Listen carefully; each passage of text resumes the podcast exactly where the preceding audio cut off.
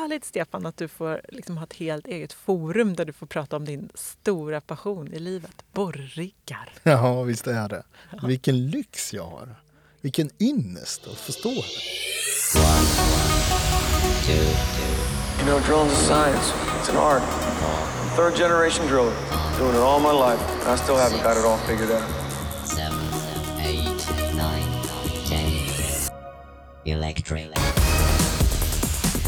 Välkomna, välkomna ska ni vara till Borrmästarpodden med Stefan Lövdahl, borrmaskinsgurun nummer ett och så med mig Johanna Paus Darlington. Alltså Stefan, du har ju säkert berättat det för mig någon gång förut, men hur var det nu? Hur halkade du in i den här branschen? Eller var det så? Halkade du in? Du kanske har vetat att du var borrigare som var ditt kall i livet sedan du var typ tre år, eller? Nej, skulle jag inte säga. Det var väl så att eh, jag vet ju dåvarande Atlas Copco behövde ha folk och jag sökte, jag fick inte jobb. Då fick jag jobb eh, på Ericsson istället och höll på med mobiltelefoner. Asså? Ja, Jajamän, så höll jag på med det i ett och ett halvt år. Men det, det tyckte jag var så tråkigt. Så nej, då gick jag på de lite större grejerna. Sökte igen helt enkelt. Jag sökte igen och då den gången gick det bra då. Ah, vilken tur! Herregud, vad är väl en mobiltelefon man jämför med en borrig? Ja, det, det går inte att beskriva. Nej. Nej. Du, idag ska vi verkligen röra oss i dina kvarter så att säga. Vi ska prata om SmartRock T40. Eh, med dig förstås, men också med en riktigt hängiven T40-borrare där ute. SmartRock T40 är ju lite av riggarnas Rolls Royce, det får man väl ändå säga va? Eller? Ja, det tycker jag. Absolut. Ja. Ska vi köra en liten bakgrund på maskinen? Ja, men gör det. SmartRock T40 är en utveckling av de så kallade C-maskinerna, till exempel Rock D9C. I sin nuvarande form kom den år 2011 och sedan dess så har den uppdaterats ett gäng gånger, senast i slutet av 2022. Den nuvarande versionen heter SmartRock T40 Mark 2. SmartRock T40 är en topphammarborr som kan borra ner till 37 meter beroende på vilken applikation man har. Och den kan borra i dimensionerna 64 mm till 127 mm. Ja, har jag missat någonting nu, Stefan? Eh, ja, lite grann. Vi kan säga att borrmaskinstyperna kan ju bli, du kan välja mellan två stycken. En SC25HE eller en SC25HF. Och, och skillnaden mellan de två är då att eh, HE-maskinen, alltså hög eh, energimaskinen, slår inte så ofta per sekund fast hårdare. Eh, och eh, HF-maskinen slår inte lika hårt men med en högre frekvens, alltså fler slag per sekund. Jaha, okej. Så det är den skillnaden. Och sen vill jag tillägga även det här med spolluftsregleringen. Att den, den påverkar ju väldigt mycket bränsleekonomin i maskinen. Så att ju lägre spolluft du behöver använda, ju mindre en, eller bränsle kommer, det, kommer maskinen att dra. Okej, okej. Ja, ja, eh, alltså även om vi har konstaterat att de flesta borrare som har frågor kring sin smartrock nog oftast tar reda på svaren själva genom att eh, klura och mecka och fundera, kanske läsa manualen till och med ibland. Ja, det där med manualläsning brukar väl, eh, brukar väl kunna vara en sån där utmaning. Eh, Ja, större utmaning än vad man kan tro kanske. Ja, även för mig själv Ja. får jag tyvärr erkänna. Jag är väl den som håller på att mecka först innan jag börjar läsa manualerna. Ja. Men jag rekommenderar alla att läsa manualen. Ja, för att även om det ska komma till att även om många gör det, tar reda på svaren själva på något sätt då, så vet vi att det finns ett gäng frågor där ute som ofta dyker upp, eller hur? Ja, så är det. Så vi har därför gjort så att vi har hört oss för bland de borrare eh, som du brukar träffa och eh, bland dina kollegor som också träffar mycket borrare där ute. Och så har vi samlat ihop de vanligaste funderingarna som ni allihopa brukar stöta på. Ja. Eh, ska vi köra igång? ja, nu kör vi.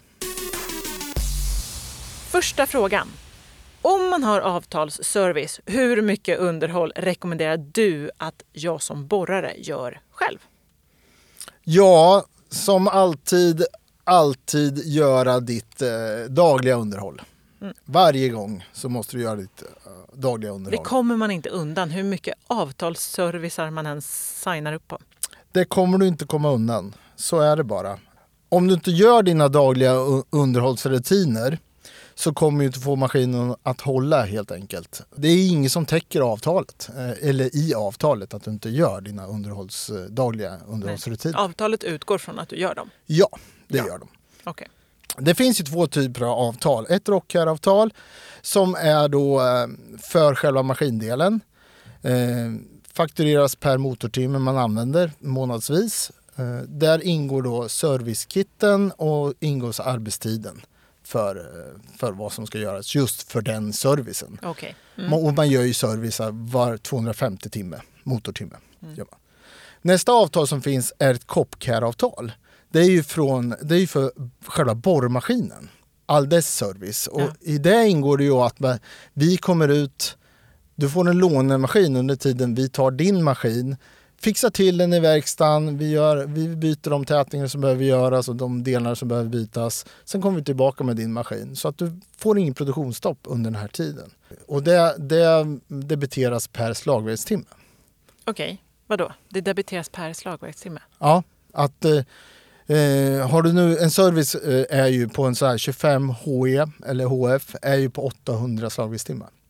Så att eh, den debiteras ju. Hur många, många slagverkstimmar har du gjort per månad? Det blir, blir, blir debiteringen. Jaha, okej. Jag förstår. Yes. Aha. Och, eh, och sen slutligen då när, när vi har då gjort en service så kommer vi göra en, ett besiktningsprotokoll. Vi går igenom hela maskinen. Vi berättar vad vi ser. Är det någonting som vi tycker ska åtgärdas direkt? Eller är det någonting som vi kan åtgärda vid nästa service? Ja, man får ett protokoll helt enkelt efteråt. Vi har varit där. Ja, okej. Oavsett avtal eller inte så måste man göra, eller om man har avtal så måste man ändå göra det här dagliga underhållet. Och det dagliga underhållet, det står i era manualer vad ni tycker att det ska innehålla. Ja, precis. det är det gamla vanliga, fetta, olja, fylla på med olja. Ja, återdragningsmoment, eh, gå runt och känna på bultar, kolla om slang, läckage, olika läckage, eh, börjar det bli slitna slangar och sådana grejer. Daglig kärlek Mm, precis. Ja. Eh, är det så att många blir lite lata när de skaffar avtalsservice? Är det något du har sett eller? Eh, ja, det kan väl vara så att man kanske känner en viss lathet av att ha en maskin som är under avtal. Eh, Man släpper ansvaret lite grann? Liksom, lite eller? så kan det vara. Ja, precis. Men det är fel, hör ni det där ute? Japp, fel. det är fel. Ja, Mm. bra. Nästa fråga då. Eh, varför får jag fel på maskinens M-lägen ibland efter att ha justerat dragvajern? Alltså nu måste du nog börja med att förklara för mig vad M-lägen är för något. Ja, men vi ska börja med att förklara lite vad M-lägena är för någonting. På, Mm. på mataren då har du ju då en borrmaskin och borrmaskinsläden går ju upp och ner på den. Där har vi olika M-lägen då. Och de här olika M-lägena ans- används ju när du då typ adderar in stål, när du håller på och borrar eller när du tar, tar, plockar, plockar upp stål så används det. Och, eh, om maskinen inte står i rätt läge då kan det bli som typ att då kan du inte köra in armarna, RS-armar och eh, det, det, det hamnar fel. Eh, du får inte in skarvarna precis vid borrstödet eller det är olika. Och de här måste man ju då sätta. Och ju, blir det så som, som det står i frågan här om dragvarje, om om du må, måste spänna den, då helt plötsligt de här M- eh, M-lägena ändrats lite.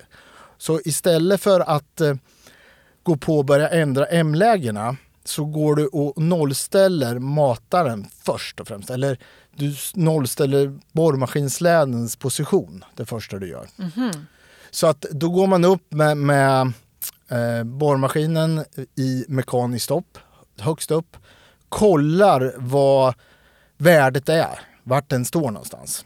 Och det ska ju vara noll. Är det inte noll, då får man nollställa den där. Och sen börjar man kolla M-lägena igen då. Okej. Och ser så att de, det, det verkar stämma. Och, och just det här med att gå upp och nollställa, det är många som missar det helt enkelt. Ja, jag tror att många gånger så börjar man justera på M-lägena. Vilket kanske inte är rätt då. Egentligen skulle jag ha gått upp och nollställa eh, läget det första du skulle ha gjort. Sen kan du gå ner och börja justera M-lägena. Okej, okej. Mm. I, I de här M-lägena på maskinerna så ser man också rent visuellt vilka M-lägen vi pratar om. Det finns en liten eh, förklarande figur. Så när du trycker på ett M, M1 då ser man vart borrmaskinen ska befinna sig någonstans. Mm. Tar Var du- ser man den här då? I, liksom... I, I själva skärmen. Skärmen, ja. ja. när du tittar på det här, när du tittar på själva M-lägesjusteringen då så kan man även se en bild på själva mataren och du ser på vart borrmaskinen befinner sig någonstans. Och trycker du då på till exempel 1, ja det är M1, det är längst ner, då, då är borrmaskinen längst ner. Sen har du M2, M3, M4, M5, M6. Så att, ehm, det, och det är, väldigt, det, det är tydligt vart de här befinner sig någonstans. Okej, så den kan man spana in också för att få lite hjälp på traven. Ja, och det handlar ju om att se att okej, ja, det här är M-läge, M4 till exempel. Men då vet jag att skarvarna är precis i borrstöden, alltså jag kan skarva, skarva isär de här två delarna, eller de här två stängerna. Vi kör vidare med fråga nummer tre. Och det här tror jag nog lite att vi varit inne på förut i något annat avsnitt i alla fall. När hålnavigeringen inte fungerar, vad ska jag kolla först? Ja, och det här är en fråga som dyker upp lite då och då. Jag, jag vill påstå att det var vanligare förr. Och det kanske beror också på att vi var mer ovana med det här med hålnavigering. Idag är alla maskiner uppkopplade, alla maskiner har hålnavigering om, om vi pratar då smart, just SmartRock. Då. Mm. Så att vi säljer ju inte en maskin idag som inte har det. Det, fin, det, det finns på maskinen. Är, Trots att det är ett tillval. det är ett tillval men det är en standard. Jag skulle vilja påstå att det är en standard idag att man ska ha det. Så att eh, när man dyker på de här bekymren att du inte har, du kommer ju få en varning i maskinen att okej, det ser ut som en satellitsymbol. Ibland får du även en, en textvarning, en liten ruta som kommer upp att det, det var det här som dyker upp. Um, det är ju så att uh, idag om du skulle få ett fel, det första, uh, det första är väl att vad är det för typ av fel du får? Vad får du för varning? Ja, då kan det vara, ett exempel kan vara att baslinjefel eller baseline error kanske maskinen säger. Ja, vad kan det vara? Eh, jo, då brukar jag alltid, liksom, jag, börjar, jag börjar alltid när vi snackar det här med hålnavigering och när det börjar bli fel, då brukar jag alltid säga till, till folk att gå in på hålnavigeringsstatusen och titta där först och främst. Vad är, det, vad är det för information du har där? Och då är man först, det är, väl- det är två grejer som jag brukar säga att man ska titta på. Det ena är liksom om man har en RTK-fix som det kallas. Är den fixerad eller navigerad eller är det någonting däremellan? Eh, nej men i alla fall, då har man ett värde där man ser en kvalitet. Eh, har man en fixerad, eh, fixerade satelliter eller inte? Det är det första man tittar på. Eh, nästa som man tittar på det är alltså vi har en uträknad baslinje som vi kallar kontra en, en positionering från båda antennerna. Skulle man då ta en, en eh, stor jäkla linjal och mäta mellan antennerna så ska de här två värdena överensstämma. Den kalkylerar, eller den beräknade baslinjen och den faktiska baslinjen som, som antennerna säger. Så att, och den här beräknade, den, den är ju lite så här finurlig gjord. Den är liksom uträknad med massa mått och i vilka vinklar givarna säger och så. Och till slut så ska man få en, en eh, baslinje som eh, inte skiljer så mycket. Då. Mm, mm. Så att eh, det är det första jag säger till folk. Gå in och titta där. Vad är det, vad är det för information du får? Mm. Och då är det då kanske, säger vi då att det är ett baslinjefel. Alltså det skiljer för mycket än, det skiljer mer än 15 centimeter mellan de här två värdena som Ja. vi snackar om. Då kommer du få ett baslinjefel och då skulle jag säga så här. Då måste du gå in och titta, kolla dina givare. Det är det första du ska göra. Kolla alla. Kolla om du har bomsvängsgivaren, bomsvängsgivaren. Har du bomlyftsgivaren? Har du eh, boom-extension-givaren. Eh, hur ser de Rör de sig? Och testa dem. Får du information från dem eller inte? Många gånger så får man ju då att, nej men okej, det här givaren rör sig inte. Den står still på samma ställe. Eller den kanske inte visar någon information överhuvudtaget. Då är det troligtvis antingen själva givaren i sig eller kanske något kablage däremellan. Eller så är det någon, någon del som har ramlat bort eh, som, som borde sitta fast. Ja, okej. Mm. Så att det, det, det pratar vi baslinje. Så in och ki- kika på, på givarna, kolla, rör alla givare, kolla, funkar det? Mm. Ja eller nej? Okej, det är det första man ska göra. Men Mm. sen kan det väl vara så att det är så störningar liksom i... Atmosfären typ. Det är ju nästa steg i det här. Då är det den här RTK-fixen. vad det nu står. RTK-fixen, ja. Realtidsmätning eller vad man nu ska kalla det. Jag, jag kan inte riktigt orden för det. Men i alla fall, det här handlar ju om att, att man får information från kända referenspunkter så man vet var maskinen befinner sig någonstans. Och då använder man sig av eh, Lantmäteriets eh, Svepos-tjänst. Då har man eh, din GPS-mottagare uppkopplad mot det för att kunna få den här noggrannheten i, i eh, själva eh, ja, vart du ska träffa hålen någonstans. Ja. Och då, är, då, då går man också in i den här hålnavigeringsstatusen och då är det de här som kallas kvaliteterna som det står fixed eller inte. Och då, då kommer det troligtvis stå navigated, att den håller på och navigerar och försöker hitta referenspunkten. Och han hittar inte den. Och, och, och då är det tyvärr lite så att ja, shit happens. Det, det, det är så det är. Solens eh, strålar skapar massa störningar i atmosfären till exempel som gör att det stör ut det här systemet. Mm. Hur ofta händer det då skulle du säga? Det händer, absolut. Det händer. Eh, jag skulle säga att det... Ja, svårt att, svårt att säga exakt hur mycket Då och då. då och då händer det. Och det ställer ju till det för, för operatörerna. Att det blir så här. Att nu, nu är det en gul symbol här. Varför är det det? Ja, in och titta, hålnavigering. Ja, nej men det står navigated här. Liksom. Varför gör det det? Ja. Då är det ju kanske inte så mycket att be för just i det, det läget. Tyvärr är det som det är. Man får vänta lite då. Ja, och för att komma runt en sån grej. Om man har mycket sådana här störningar så går det ju faktiskt att sätta eh, en extra basstation på just där du är. Och då måste du ha en känd punkt där du sätter den här basstationen någonstans. Då kan ju maskinen kommunicera med den eh, basstationen istället. Okej, okej. Och då, Mm. då blir det lättare att hitta de här fixlösningarna. Ja. All right. Här kommer en fråga som jag vet att ni har fått eh, sjukt många gånger de senaste månaderna. Vad innebär de, den nya uppdateringen, Mark 2? Ja, men roligt att vi, vi tar den frågan nu. Eh, Vad det är vi har gjort nu med den här ja, senaste releasen som kom nu i slutet av- förra året. Eh, Det är ju faktiskt så att vi, vi släppte en, en uppdatering och rent, vad ska jag säga, vad har hänt? Jo, vi kan börja med skärmen. Det är väl den stora och GUIT som vi kallar det. Alltså interfacet mellan dig som, som operatör och, och maskinen. Det är en touchskärm idag eh, på Mark 2. Det fanns inte tidigare. Så att där, och sen ser ju hela, hela gränssnittet för dig som operatör, det ser eh, annorlunda ut. I det här kan du även, få, när du borrar så kan du se din NVD-logg till exempel. Ja, okej. Alltså under tiden du, du I borrar i Mm. realtid så ser du hur borrmaskinen går visuellt på skärmen. Du har även fått in kamerorna i den skärmen. Alltså du har ju en, en kamera, alltså minimumkravet för kamera är ju att du har en på stödbenet och att du har en bak. Sen kan du plocka på ytterligare kameror om du skulle vilja det. Då. Men det här ser man nu. Förut var det alltid en extra skärm för det. Men idag så är den integrerad med våran skärm också. Eh, lite uppdatering på mataren också har vi gjort. Eh, vi har gjort ett större brythjul för vajern så att det ska, det, det blir inte samma knäck på vajern.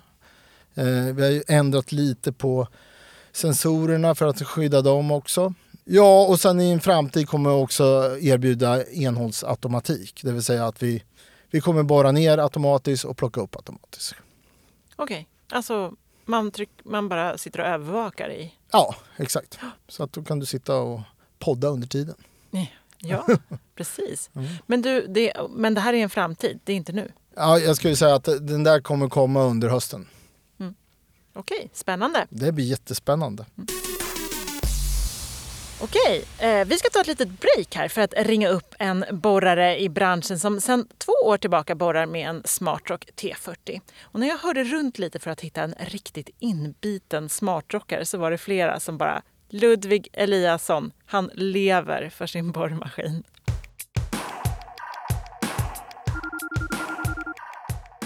Hallå, hallå Ludvig! Hej! Hej! Hur är läget med dig? Jo men du, det är bra. Det är bara fint. På väg på arbete och solen skiner så. Underbart. Var är du just nu och borrar? Eh, just nu är vi i Gällivare på ett projekt där i, i Aitikgruvan. Okej, okej. Du har ju borrat med din maskin i två år, eller hur? Ja, det stämmer. Vad var det du körde med innan? Eh, innan körde jag med en eh, radiorigg, en D7. Okej. Körde jag, så jag stod ute i eh, ja, men fyra, nästan fyra, fyra vintrar vart jag ute i alla fall. Mm. Är du traumatiserad? ja, overallen är ju ett faktum. Men du, nu kör du med en Smartrock T40. Jajamän, Mm. Har den fått något Mm. namn? den har fått ett namn och det är Rex Monte vart det. Rex Monte. Det var eh, Mm. tjusigt. Vad, hur kom Ja. du på det namnet? Eh, nej men det, jag, när jag fick reda på att jag skulle få, eh, få en ny vagn så eh, funderade jag på vad, vad man skulle döpa nya vagnen till. Och då. Då den gamla hette Boris. Så då tänkte jag att eh, ja, man måste komma på ett nytt namn då. Så stod jag i en bergtäkt i, utanför Umeå och höll på att borra och då eh, hade jag kåporna på mig och så kom eh, Sabaton på, Carlos Rex i kåporna och då tänkte jag, ja, men Carlos Rex, men liksom lite konstigt kanske. Så började jag hålla på med Google och, och eh, översätta ifrån latin. Och då fick jag till, eh, fram till slut att eh, Rex Monte betyder ju eh, om det är bergets konung eller kung. Så då fick det bli det. Perfekt. Du, vad har Mm. du för relation till din maskin? Eh, ja, men jag har en väldigt stark relation skulle jag tycka. Jag, jag tycker den funkar faktiskt klockrent. Den är smidig och bra att ta sig fram faktiskt för att, för man ska, ska sitta in, inne eller man ska säga när man jämför att man har gått från, från utsidan eller man ska säga. Det är ju lite enklare att gå från utsidan men när man har gått ute och så hoppar man in. Det är som en, vet du, en transfer som är lite speciell men Nej, den, den funkar riktigt bra och jag kommer riktigt bra överens med den faktiskt. Mm. Har du märkt att den behöver lite extra kärlek på något sätt för att funka liksom sådär bra som du, som du vill att den ska funka? Eh, ja, det, det kan vara alltså, när det har varit riktigt kallt och sånt där, men det är ju, det är ju när man, eh, alltså vad man kör på för olja eller man ska säga skulle jag tro. Det är ju det jag har märkt är att eh, när man har stått och, och borrat ett, ett längre hål eller man ska säga så blir det som att oljan hinner bli lite kall så här i, i larvpendlingen och det så det kan jag ju tycka ibland att eh, då får man ju som eh, finköra lite innan man flyttar så när man har som släppt på, på eh, larvpendlingslåset. Då, när man släpper det då får man som köra den lite försiktigt när man börjar köra annars så kan de ju få, få lite fnatt när man, när man låst dem igen. Då skickar de på lite extra liksom. Vi har ju köldstopp på 25 har vi ju. Vi kör ju inte med, med, med maskinerna alltså över 25 grader. Men det är ju där runt ja, men, eh, ja, 18 till 24 liksom. Ja, det är kallt nog kan jag tycka. Det, det, det är det. Du, finns det något som du önskar vore bättre med maskinen? En bättre klimatanläggning tycker jag hade varit klockrent. Alltså en eh, som bibehåller, alltså en, ja men har du ställt den på 22 så ska den ju hålla som 22 grader. Hur, Eh, hur för är det nu då?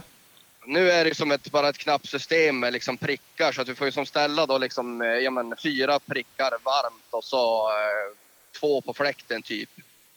Och då blir det som att då, då blåser ju det hela tiden så att till slut då blir det som för varmt. Då får du som dra ner lite eller ja, få lite kyla.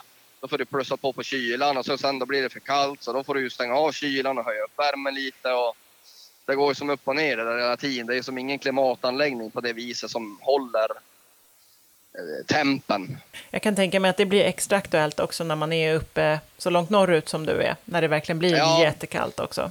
Ja men visst, och det är ju samtidigt som på, eh, på sommaren också kan det vara skönt att veta så man inte blåser på för kallt liksom utan att man känner det så man får någon som slags AC-förkylning. Att man kan som hålla då liksom kanske en 20, alltså 20 grader i hytten liksom. Du, eh, när jag hörde mig för lite här för att, för att hitta någon smartrock-förare som var lite extra hängiven så, så var det flera som, som sa dig, ditt namn.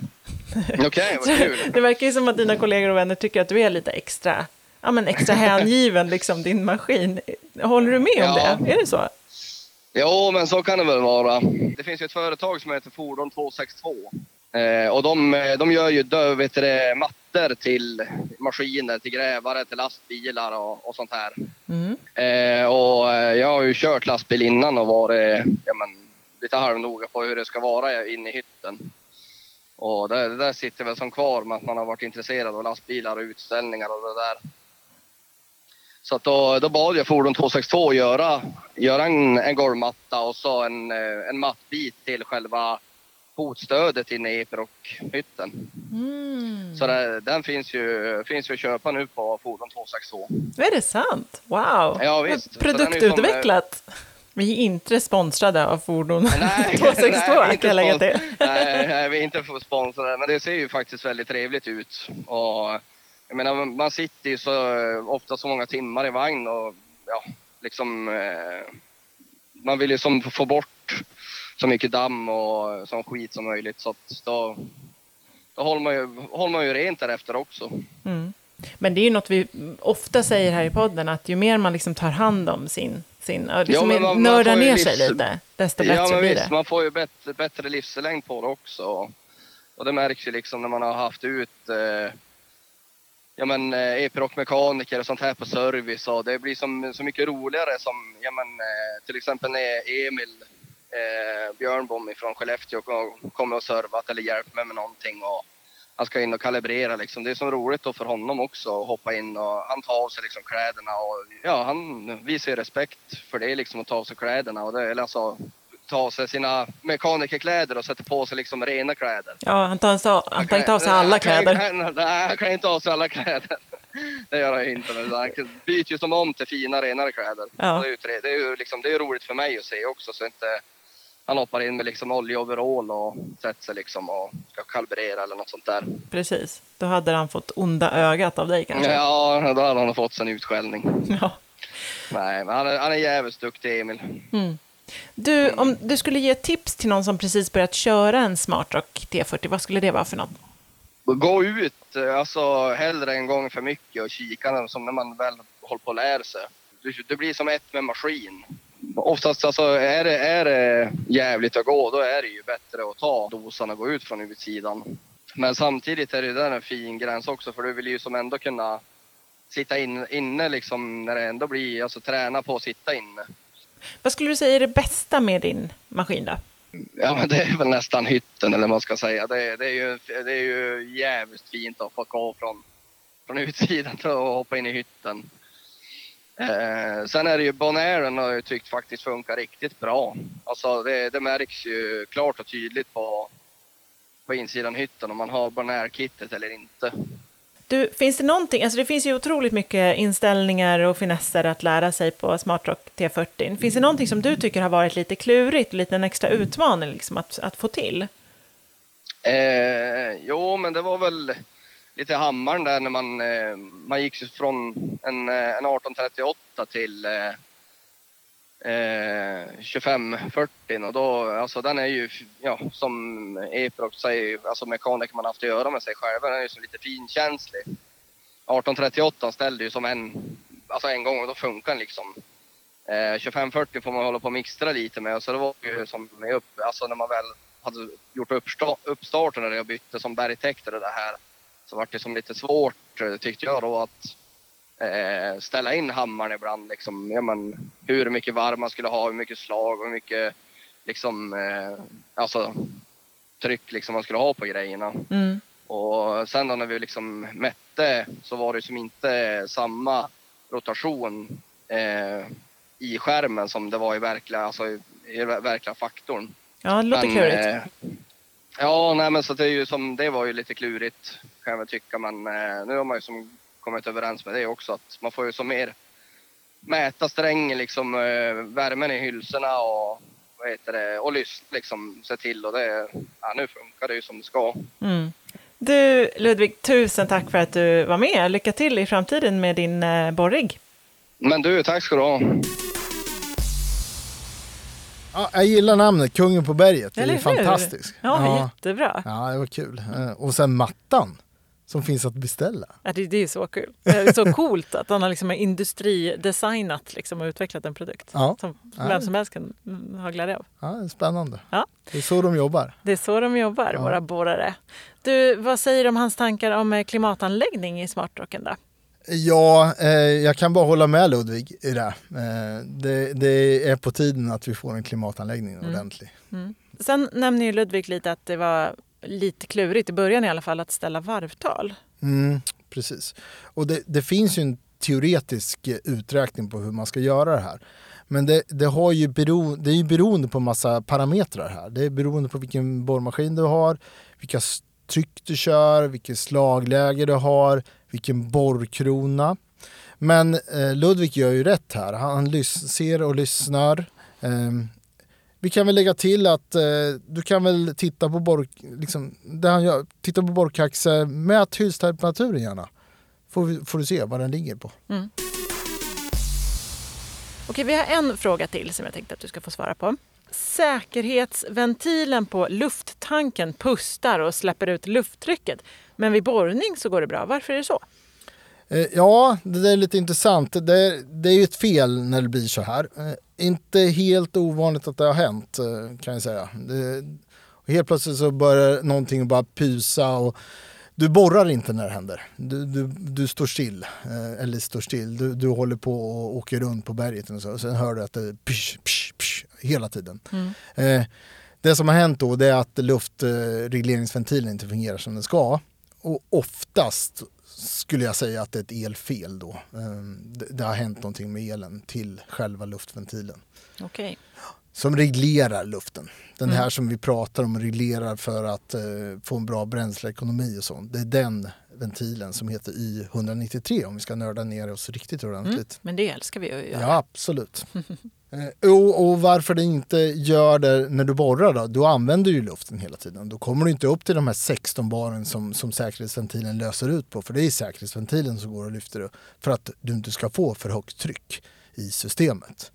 Så det är därför det blir det här psh, psh, hela tiden. Ja, ska vi ge oss med frågorna nu då?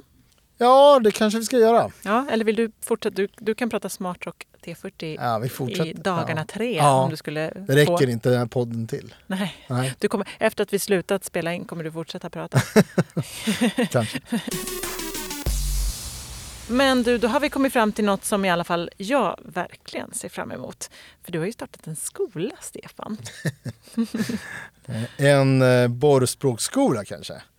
Ja. Ja, men det är en hel del konstiga ord i vår bransch. Ja. Eh, eller konstiga. För oss är det inget konstigt. Inte. kanske för de här som är utanför som kanske inte riktigt är inne. De, för dem, Som, Ja. som för mig till exempel. ja, Ja. precis. Eller för de som är helt nya i branschen. Fast jag tycker du kan väldigt mycket Johanna. Ja, för att vara en lekman har jag blivit ganska bra på, Helt klart. på det här lingot. Vi Mm. kör igång! Lövdals borrlingo! Okej, vad har du för ord idag? Vi kör stickan. Stickan! Är det en Ja. kar som heter Stig men som kallas för Stickan? Brukar det Ja, vara? det kan vara så. Och det kan säkert finnas någon operatör där ute som heter Stig som kallas Stickan. Ja, men det är, inte, det är inte honom du menar? Nej, Nej. det är inte en person i det här fallet. Okej. Det är våran yttre bom. Jaha, ja. Ja. Är den tunn som en sticka? Nej, det skulle jag inte säga att den är. Men eh, den kallas för Stickan. Varför? Det är någon som har döpt den där till Stickan. Okej. Det är väl en som gör så att vi räcker så långt. Att vi har så lång räckvidd på maskinerna. Aha, vad heter den inre bommen då? Stocken? Jag, jag, tror inte vi har något namn till det. Va? Då får, ni, då får den heta Stocken. Ja, okej. Stocken och Stickan. Ja, ja, Vi kör, Perfekt. vi kör så. Ja, och med det så är det dags för oss att säga adjö och tack för idag. Glöm inte att lyssna på alla andra avsnitt av Borgmästarpodden om du inte redan gjort det förstås. Om man inte fick nog av snacket om T40 så finns det ju massor mer att hämta om den maskinen i andra avsnitt. Eh, och på bitsmagasin.se så kan man läsa en längre intervju med Ludvig Eliasson också. Honom kan man också följa på Instagram där han heter Mutterpurr. Ha det bra nu. Hej då! Hej hej.